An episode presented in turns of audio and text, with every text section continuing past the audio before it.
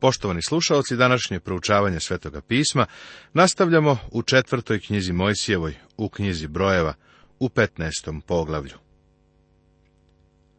Sada ulazimo u onaj deo četvrte knjige Mojsijeve ili knjige Brojeva, u poglavlju od 15. do 25.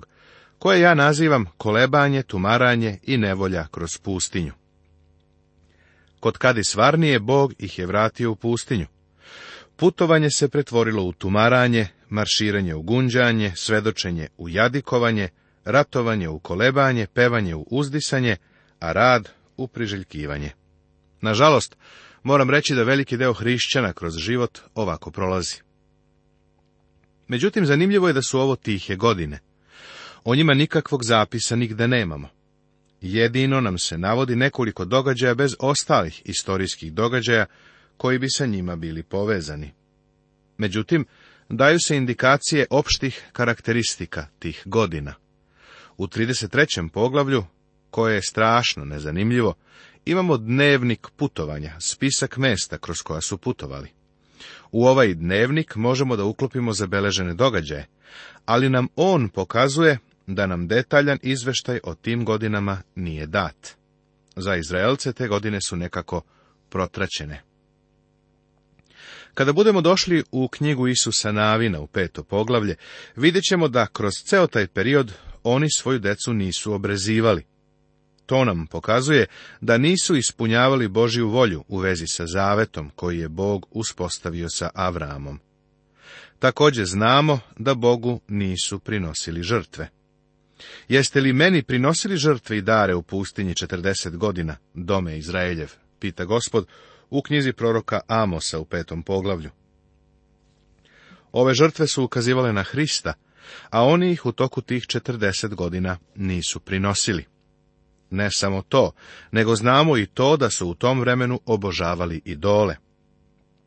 Nego ste nosili šator moloha svojega i hijuna, likove svoje, zvezdu boga svojega koji sami sebi načiniste. Stefan govori o tome u delima apostolskim, tada se Bog okrenu od njih i predade ih da služe nebeskoj vojsci, kao što je napisano u knjizi proroka. Dome Izraeljev, jesi li mi četrdeset godina u pustinji prinosio klane, životinje i žrtve? Nego ste nosili Molohov šator i zvezdu boga Refana, kipove koje ste načinili da im se klanjate, i preselit ću vas dalje od Vavilona. Tako vidimo da Izraelci nisu bili verni Bogu u toku tog perioda. Ove godine lutanja za nas danas nose mnoge pouke. Na ovom svetu mi smo putnici i stranci. U Božijim očima današnji svet je pustinja, a možda nama ne izgleda tako. Međutim, ti i ja, kao vernici, samo prolazimo kroz ovaj svet. Stranci smo i putnici. Dozvoli da ponovo istaknem. Cela tema ovog poglavlja jeste da ljudi mogu da odlože Boži blagoslov, ali ne mogu da unište njihov cilj. Zapazi da, iako su se Izraelci vratili u pustinju, Bog kaže da će ipak ući u obećanu zemlju. I bar što se Boga tiče, to kao da je već učinjeno. Iz tog razloga veliki deo proroštava je dat u onome što nazivamo proročkim vremenom u Starom Zavetu data su u prošlom vremenu, iako govore o budućim događajima. Vidiš, prijatelju, bar što se Boga tiče, kad kaže da će se nešto desiti, to se već desilo po njegovom programu. Boži cilj nije uništen. Opet reče gospod Mojsiju govoreći, reci sinovima Izraeljevim i kaži im, kad dođete u zemlju gdje ćete nastavati, koju ću vam ja dati, Bog im dakle sada govori o stvari koje treba da urade kada budu ušli u obećanu zemlju. Četrdeset godina kasnije Izrael je sa novim naraštajem ušao u tu zemlju i ta generacija je učinila ono što su njihovi očevi odbijeli. I kad stanete prinositi žrtvu ognjenu gospodu, žrtvu paljenicu ili žrtvu zaveta radi ili od drage volje ili o praznicima svojim, gotoveći miris ugodni gospodu od krupne ili od sitne stoke, tada ko prinese prinos svoj gospodu, neka donese uz dar, desetinu efe beloga brašna pomešana s četvrtinom ine ulja.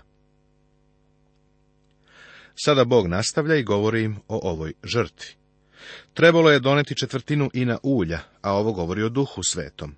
Zatim, trebalo je doneti četvrtinu ina vina za naliv, a to govori o radosti. Zapazi da Bog kaže kad prinosi štele u osnom stihu. Gospodin govori o tome šta će raditi u toj zemlji kao da su već tamo ušli.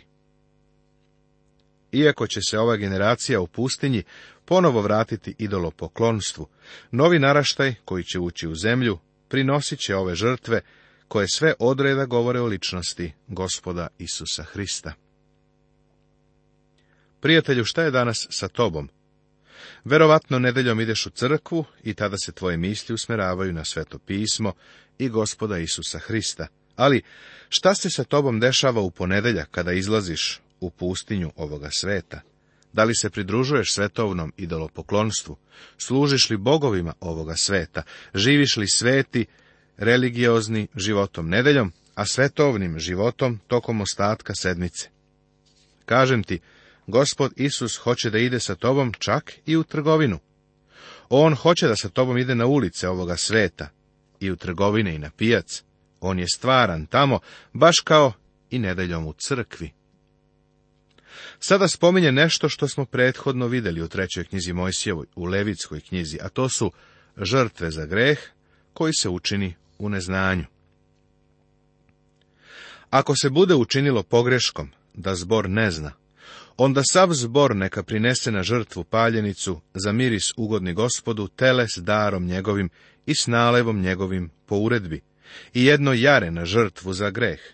I sveštenik neka očisti sav zbor sinova Izraeljevih i oprostit će im se, jer je pogreška i oni donesoše pred gospoda svoj prinos za žrtvu ognjenu gospodu i prinos za greh svoj radi pogreške svoje oprostit će se svemu zboru sinova Izraeljevih i došljaku koji se bavi među njima, jer je pogreška svega naroda.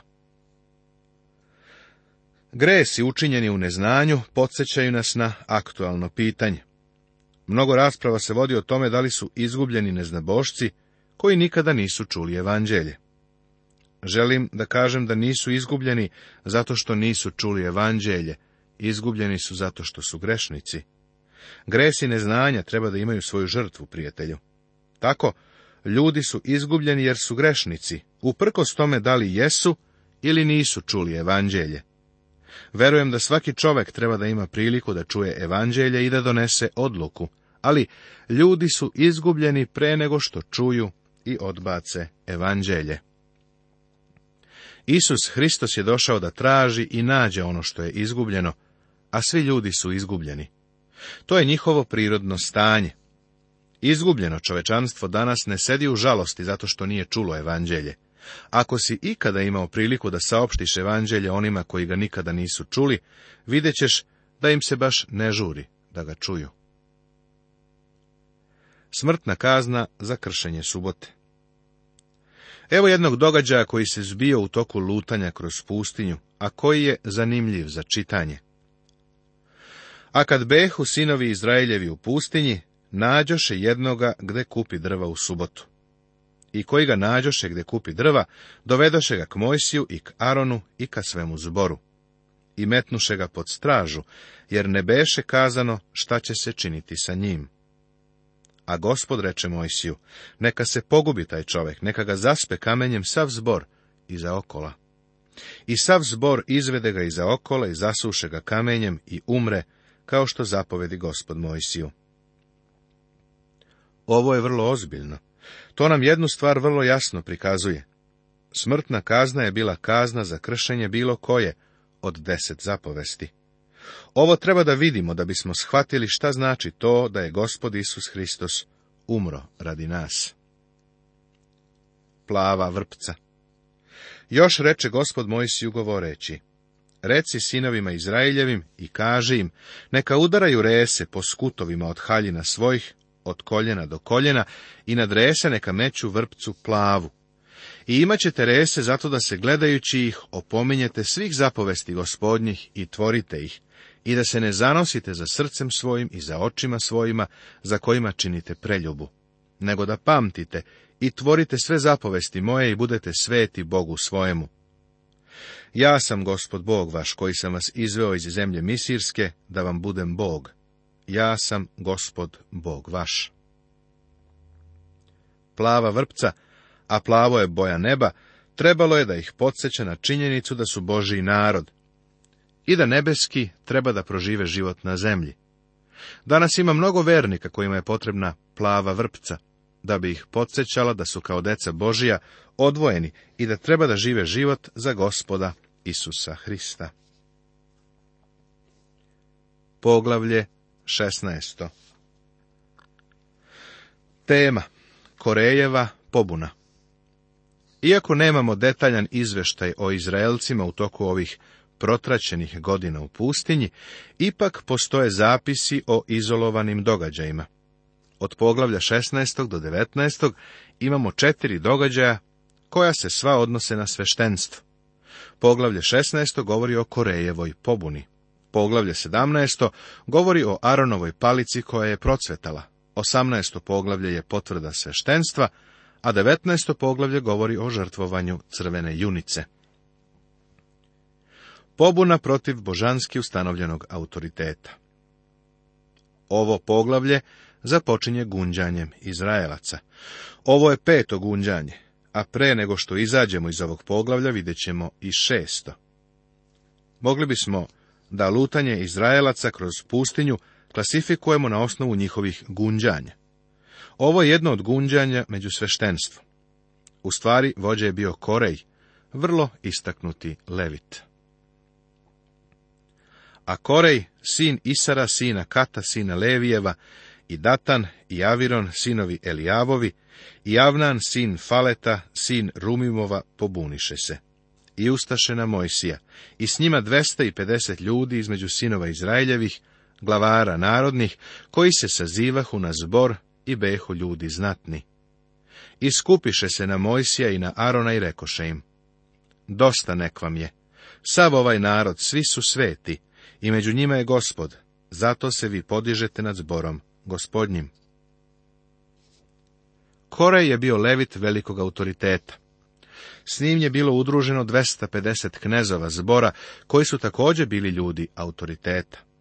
Da bi pobuna bila efikasna, iza sebe je morala da ima istaknute ljude. Bila je potrebna i pamet i novac. Ova pobuna nije bila nešto sitno, nezapaženo. Možda smatraš da su protestni pokreti i marševi novina uopšte nisu novina. Evo jednog protesta protiv ustanovljene vlasti. Ovo su sposobni ljudi i kao uvek pojavljuju se pred masom naroda sa optužbama tipa vaša prava su prekršena, vaše vođe uzimaju previše vlasti, oduzeto vam je nešto što vam pripada. U stvari optužbe iznesene u ovoj pobuni nisu odgovarale postojećim činjenicama. Bile su apsolutno neosnovane. Mojsije nije na sebe previše uzimao. Ako se vratimo u istoriju, vidjet ćemo da, kada ga je Bog pozvao, Mojsije je odbio. Nije se smatrao sposobnim da vodi ovaj narod. Čak i nakon što ga je Bog obučio u pustinji, on nije želeo taj posao. Tražio je pomoćnika, pa mu je Bog dao Arona. Mojsije je bio najkrotki čovek na zemlji. Kada je Isus Navin želeo da učutka proroke, Mojsije je rekao da bi želeo da ceo Boži narod prorokuje. Uopšte nije bio ljubomoran. Prijatelju, vidjeli smo da taj Mojsije nije bio bezgrešan, ali svakako nije bio kriv zato da je sebi previše prisvojio. Šta je stvarni uzrok nevolje ovde bio? Bila je to korejeva ljubomora. Pitanje ljubomore je nešto grozno. Sav autoritet koji se daje dat je od Boga. Nijedan čovek sam sebi ne može da prisvoji čast. Bog je u logoru dao određena mesta, a levitima je dao određeni posao koji su imali da rade.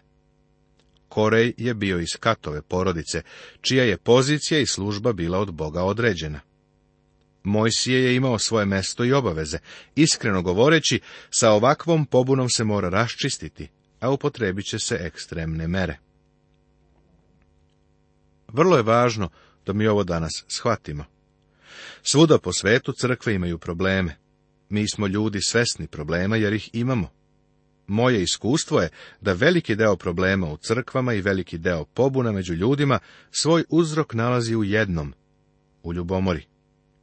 Zato Biblija voli da nam govori da hodamo u smernosti i u skromnosti uma. Treba ponizno da živimo, treba da uvidimo da je sav autoritet od Boga dat. U prvoj poslanici Korinčanima u 12. poglavlju Pavle crkvu opisuje kao telo, ljudsko telo. Kao što telo ima mnogo delova, tako isto i crkva ima mnogo delova. Kada te Bog spase, stavljate u telo krštenjem duha svetoga. Na određeni način treba da deluješ u telu vernika. Mnogi su darovi duha. Ako si hrišćanin, dat ti je dar, pa tako treba i da deluješ u telu vernika. Celo telo nije jezik. Prema tome neće svi govoriti u jezicima, nije ni celokupno telo oko, niti je sve telo u uhu. Svaki pojedinac ima dar, a darova je mnogo. Jedan od tih darova je dar pomaganja, a ja znam stotinu načina na koje možeš pomoći da se proširi Božja reč. Svaki vernik ima dar. Bog želi da funkcionišemo tako što ćemo taj dar koristiti. Tvoj posao nije da uzmeš službu ili posao nekog drugog. Među hrišćanima je tako mnogo umobolne sujete. Takvi ljudi žele da budu predsjednici odbora, žele neku javnu službu. Prijatelju, većina delova tela se ne vidi. Prekrivamo ih ili su oni unutra, u telu. Ipak je njihovo funkcionisanje od suštinskog značaja za telo. Isto tako je i sa crkvom. Ljubomora pokreće vrlo mnogo ljudi. Ti ljudi u našim crkvama stvaraju probleme, ti ljudi se guraju na mesta voćstva. Pokušavaju da prisvoje dar koji nemaju. Nemaju nikakve posebne sposobnosti da obavljaju ono što pokušavaju. Bog ih nikada nije pozvao na to. Ovo današnjoj crkvi šteti. Bog će se na vrlo određen i jasan način pozabaviti ovakvom pobunom. Kažem ti, sud nad ovakvim ljudima bit će ozbiljan. Da vidimo, šta je Bog učinio. Kad to ču Mojsije pade ničice. Potom reče Koreju i svoj družini njegove govoreći, sutra će pokazati gospod ko je njegov, a ko je svet, i koga je pustio k sebi, jer koga je izabrao, onoga će pustiti k sebi. Ovo učinite, uzmite kadionice, Korej sa svom družinom svojom, i metnite sutra u njih ognja, i metnite u njih kada pred gospodom, i koga izabere gospod, onaj će biti svet. Dosta nek vam je to, sinovi Levijevi. Mojsiju i Jaronu rekli su da se podižu nad ostalima. Sada i Mojsije govori od Boga da su oni sebi mnogo pripisali.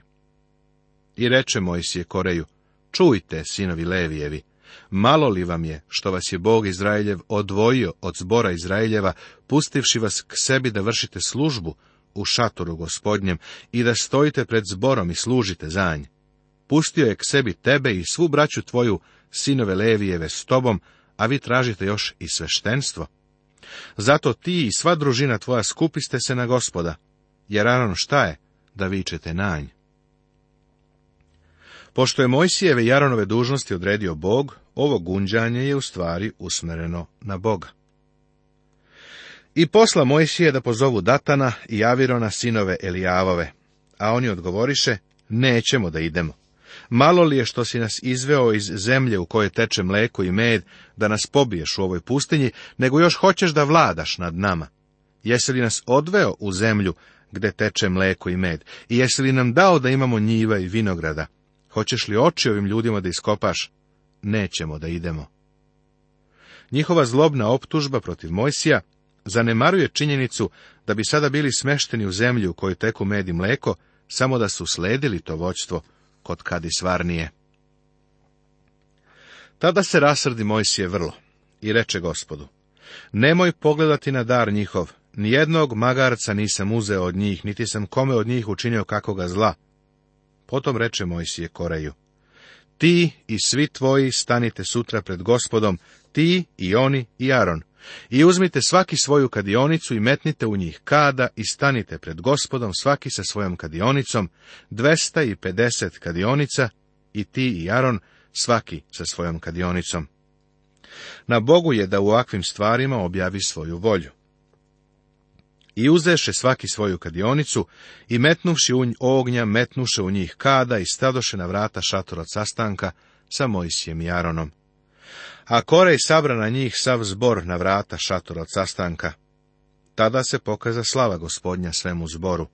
I reče gospod Mojsiju i Jaronu, govoreći, odvojte se iz toga zbora, da ih odmah satrem. Svaki čovjek je poneo svoju kadionicu, stavio je kad u nju i došao kod šatora od sastanka. Vidimo da se pojavila Božja slava i ranije smo primetili da se gospodnja slava pojavljivala kad god je bilo gunđanja, a sad se javlja pri pobuni. A oni padoše ničici rekoše, Bože, Bože, duhovima i svakom telu, ovaj jedan je zgrešio, a ćeš sav zbor, sada da se zgreši. Potom Mojsije posleduje za svoj narod. Opet reče gospod Mojsiju, reci zboru i kaži, odstupite od šatora Korejeva i Datanova i Avironova, i ustavši Mojsije otide k Datanu i Javironu, a za njim otidoše i starešine. I reče zboru, odstupite od šatora tih bezbožnika i ne dijevajte se ničega što je njihovo, da ne izginete od svojih greha njihovih. I odstupiše sa svih strana, od šatora Korejeva i Datanova i Javironova.